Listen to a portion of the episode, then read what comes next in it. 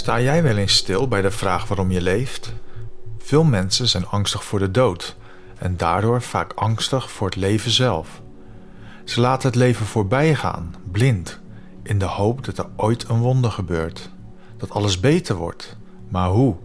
Ze zien niet in dat ze zelf de vormgevers van hun leven zijn, dat ze zelf alle mogelijkheden in zich hebben om een leven te scheppen dat ze gelukkig maakt. Veel mensen wegen hun leven op tegen dat van hun ouders, hun naasten en hun gemeenschap. Doorgaans willen ze geen verandering. Laten ze liever alles bij het oude, dan dat ze verandering aanbrengen en zo meer liefde, geluk en vreugde in hun leven introduceren. Het leven mag goed voelen. Het mag een overdaad aan blijdschap hebben. Waarom met minder dan blijdschap genoegen nemen? Is het niet vreemd dat we onszelf het slachtoffer maken van onze eigen illusies? Begin eens met oneens zijn. Neem afstand van het gedachtegoed van de ander en begin naar jezelf te kijken. Wat wil jij in het leven bereiken? Wat wil jij ervaren? Het leven draait namelijk om jou. Hoe denk je de ander tot dienst te kunnen zijn als je dat niet kunt vanuit je eigen kern?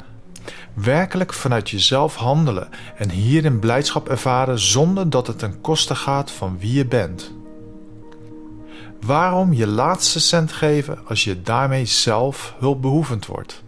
Delen is iets anders dan alles maar weggeven. Alle materie is eindig. Deel daarom in je hulp, in je aandacht, in je liefde en in je gezelschap. Wees samen, zodat alleen zijn geen angst meer is, maar gebed om tot jezelf te spreken. Wees in eenheid met wie je werkelijk bent. Geen afstand, maar juist toenadering. Het leven is om te leven, te beleven, niet om te herleven wat de ander je toedraagt. Laat al het oude bij het oude en creëer vol overgave het nieuwe. Durf anders te zijn. Durf te veranderen.